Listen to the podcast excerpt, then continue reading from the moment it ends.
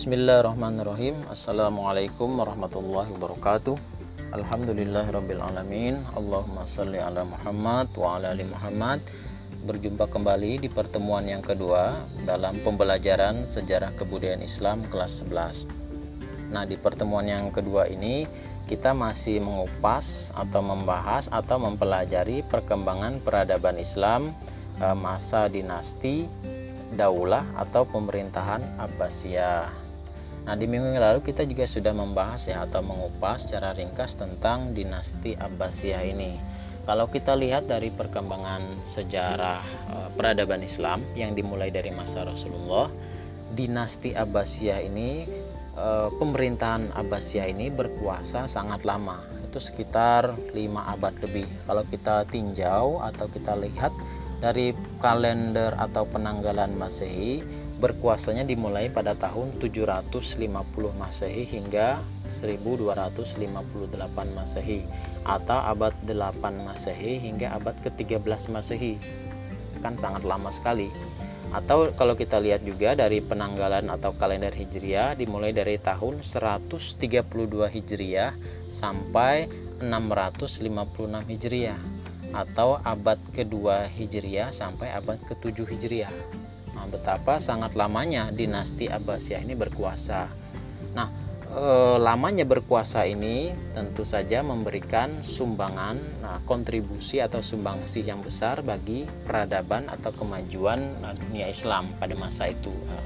Nah, tentu saja e, ada warisan-warisan atau peninggalan dinasti Abbasiyah ini yang masih kita lihat sampai sekarang termasuk juga peninggalan dari segi ilmu pengetahuan, nah, arsitektur dan lain sebagainya. Nah, dinasti Abbasiyah eh, yang berkuasa selama lima abad lebih itu diperintah atau dipimpin oleh eh, raja atau khalifah yang berjumlah 37 khalifah. Nah, jadi ada banyak sekali khalifah yang berkuasa. Nah, para khalifah atau raja ini berku- eh, memimpin cara turun temurun bergantian, yang mana itu masih ada hubungan uh, darah ya dalam pemerintahannya.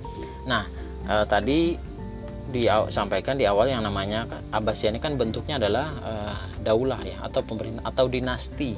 Nah, dinasti itu kalau kita lihat sekarang ya seperti layak sebuah kerajaan. Nah, itu. Jadi pergantian ya atau suksesi kepemimpinannya itu ya secara turun temurun ketika seorang raja wafat misalnya ayahnya maka yang menggantikan berikutnya adalah anaknya atau sepupunya yang lain atau saudara-saudara yang lain yang masih ada hubungan darah. Nah, ini tentu berbeda ya pola pemerintahannya.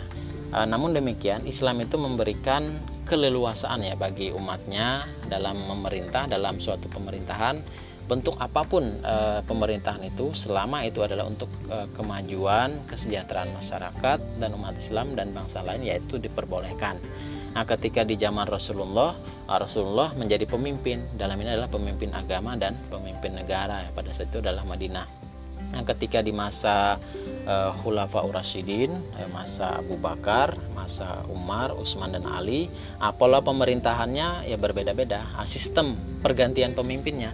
Nah, di masa awal Khulafa Urasyidin, nah itu masyarakat uh, Muhajirin dan Ansor uh, sepakat menunjuk atau bermusyawarah menunjuk Abu Bakar sebagai khalifah. Kemudian di masa Umar nah, menjadi khalifah itu adalah melalui uh, penunjukan tadi, penunjukan oleh Abu Bakar. Nah, jadi Abu Bakar menunjuk Umar dengan alasan agar tidak terjadi perpecahan. Nah, di masa Utsman itu pemilihan khalifahnya berbeda lagi, pemilihan pemimpinnya. Nah, di masa Khalifah Utsman itu uh, panitia. Para sahabat membentuk namanya panitia. Umar di sini membentuk e, memerintah meminta sahabatnya untuk membentuk suatu panitia. Nah di situ panitianya bermusyawarah memilih Utsman nah di masa Ali nah, Ali dipilih. Nah para khalifah ini tentu ya berjasa sekali dalam perkembangan e, Islam dan umat manusia. Kemudian berlanjut pada masa pemerintahan dinasti Umayyah. Nah, dinasti Umayyah ini bentuknya kerajaan, artinya turun temurun lagi. Kalau di sebelumnya kan berbeda. Namun demikian nuansa demokrasi itu tetap ada ya. Nah, kita kembali ke dinasti Abbasiyah. Nah, dinasti Abbasiyah ini lahir atau muncul sebagai kelanjutan ya dari dinasti Umayyah tadi. Nah, dinasti Umayyah itu ada dua. Ada dinasti Umayyah yang berkedudukan atau berpusat di e, Damaskus, Suriah.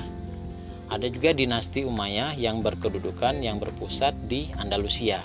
Nah, ketika dinasti Umayyah di e, Damaskus ini hancur, runtuh, e, dilanjutkan atau berdiri dinasti e, Umayyah di Andalusia.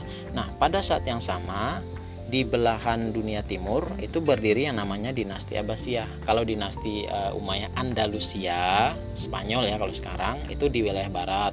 Nah, kalau di wilayah timur, belahan dunia bagian timur itu berdiri dinasti Abbasiyah.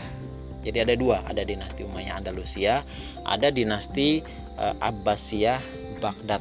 Nah, keduanya sama-sama memberikan sumbangan besar ya bagi umat Islam. Nah, e, dinasti Abbasiyah ini e, dalam kemunculannya itu berawal dari gerakan-gerakan atau perjuangan-perjuangan untuk e, menumbangkan e, e, dinasti Umayyah tadi karena menurut mereka dinasti Umayyah e, ini dalam menjalankan pemerintahan di masa-masa akhir ya itu sudah melenceng dari yang namanya upaya untuk mensejahterakan masyarakat. Masyarakat berada dalam keadaan yang e, e, tidak sejahtera.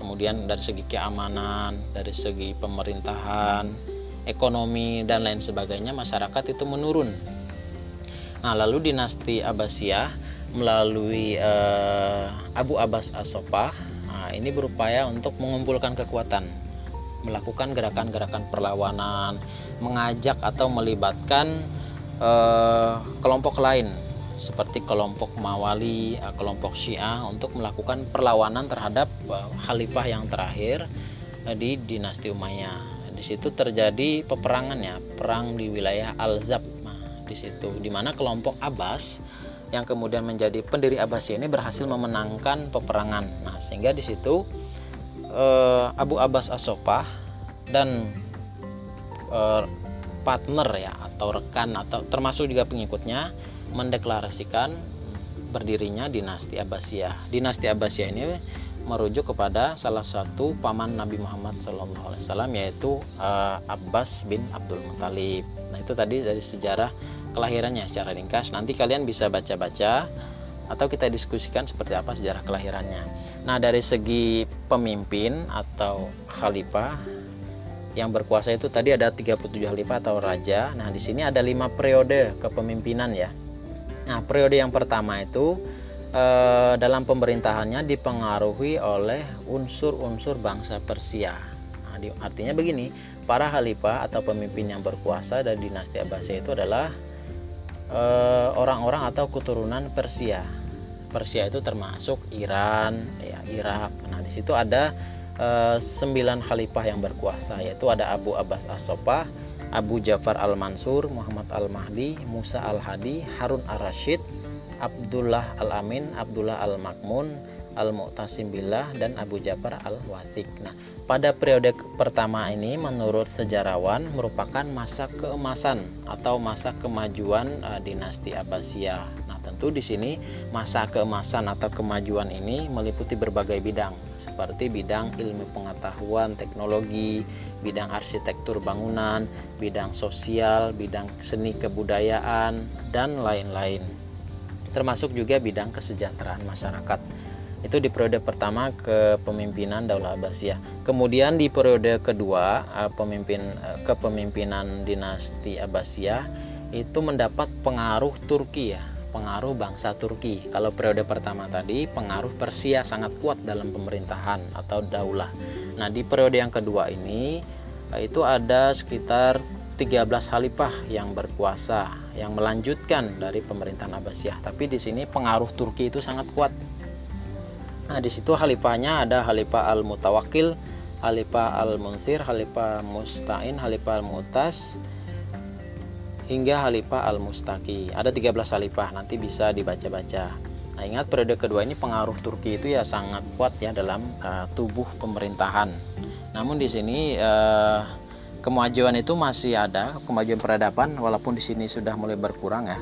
Nah, di periode ketiga ini kembali uh, pengaruh Persia itu dalam pemerintahan. Jadi periode pertama pengaruh Persia satu, periode kedua pengaruh Turki satu, periode ketiga ini adalah pengaruh Persia dua. Di sini ada empat khalifah yang berkuasa itu Khalifah Al-Muktabi, Khalifah Al-Mukti, At-Toi dan Khalifah Al-Qadir. Nah, di sini pemerintahan mulai tidak stabil ya dalam uh, menjalankan roda pemerintahannya karena berbagai pengaruh. Di situ ada pengaruh dari Daulah Buwaihi yang merupakan bangsa Persia. Nah, kemudian dilanjutkan periode keempat ini kembali uh, bangsa Turki atau golongan Turki yang uh, berpengaruh dalam pemerintahan. Di sini pengaruh Turki dua. Nah, di sini ada sembilan khalifah yang berkuasa yaitu Al-Qayyim, Al-Muqtadi, Al-Mustansir hingga Khalifah An-Nasir. Nah, di sini merupakan akhir ya dari Daulah Al-Sal Daurah Saljuk. Nah, di sini eh, kemajuan tetap ada, namun demikian eh, namun tidak semaju periode-periode sebelumnya. Nah, kemudian di periode yang kelima, nah di sini eh, tidak ada pengaruh dari pihak mana pun ya. Karena di sini eh, pemerintahan atau khalifah atau kekhalifahan e, dari Abbasiyah ini sudah menurun. Ini sudah memasuki periode-periode kelemahan hingga periode hancur, kehancurannya. Ada tiga khalifah yang berkuasa yaitu Khalifah Az-Zahir, Al-Muntasir dan Al-Mu'tasim. Nah, ingat e, kekhalifahan Abbasiyah ini hancur runtuh karena serangan bangsa Mongol yang dipimpin oleh Hulagukan pada tahun 1258 Masehi. Jadi kekhalifahan Abbasiyah yang berkedudukan di Baghdad yang menorehkan sejarah emas sebagai kemajuan dunia Islam itu bisa hancur oleh serangan bangsa lain karena berbagai hal ya. Nanti kita kupas lagi. Uh, wilayah kekuasaannya tadi uh, kita sudah sampaikan di awal yaitu meliputi seluruh wilayah Arab kemudian Persia uh, Damaskus Mesir hingga ke wilayah sebagian dari benua Afrika yaitu wilayah Afrika Utara Nah, kita juga akan meninjau mengulas tentang perkembangan peradaban dan ilmu pengetahuan pada masa Daulah Abbasiyah.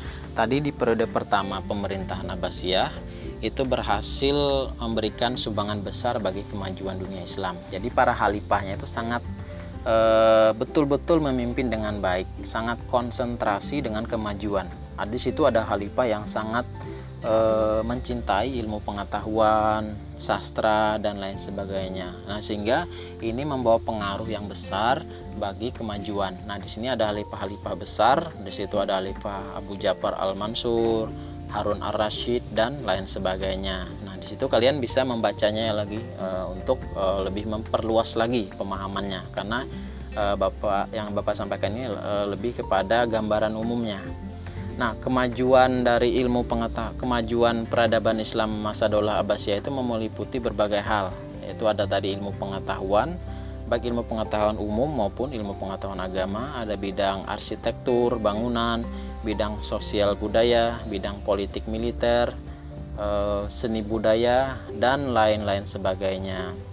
Nah, di sini yang merasakan eh, kemajuan dari peradaban Islam itu tidak hanya umat Islam, namun bangsa-bangsa yang lain, bahkan pengaruhnya hingga ke berbagai belahan dunia.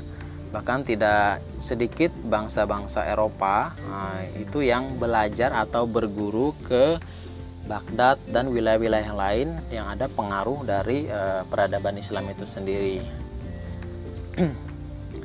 uh, barangkali sampai di sini yang bisa Bapak sampaikan. Nanti kita lanjutkan di pertemuan berikutnya tadi kita sudah membahas sejarah kelahiran, kemudian periode kepemimpinan dan juga khalifah. Nah, di pertemuan berikutnya kita akan membahas tentang kemajuan dari uh, peradaban yang pernah ditorahkan oleh dinasti Abbasiyah. Demikian yang bisa disampaikan. Selanjutnya kita masuk sesi diskusi ya, tanya jawab. Kalian kirim WA ke Bapak, nanti Bapak ulas. Demikian. Assalamualaikum warahmatullahi wabarakatuh.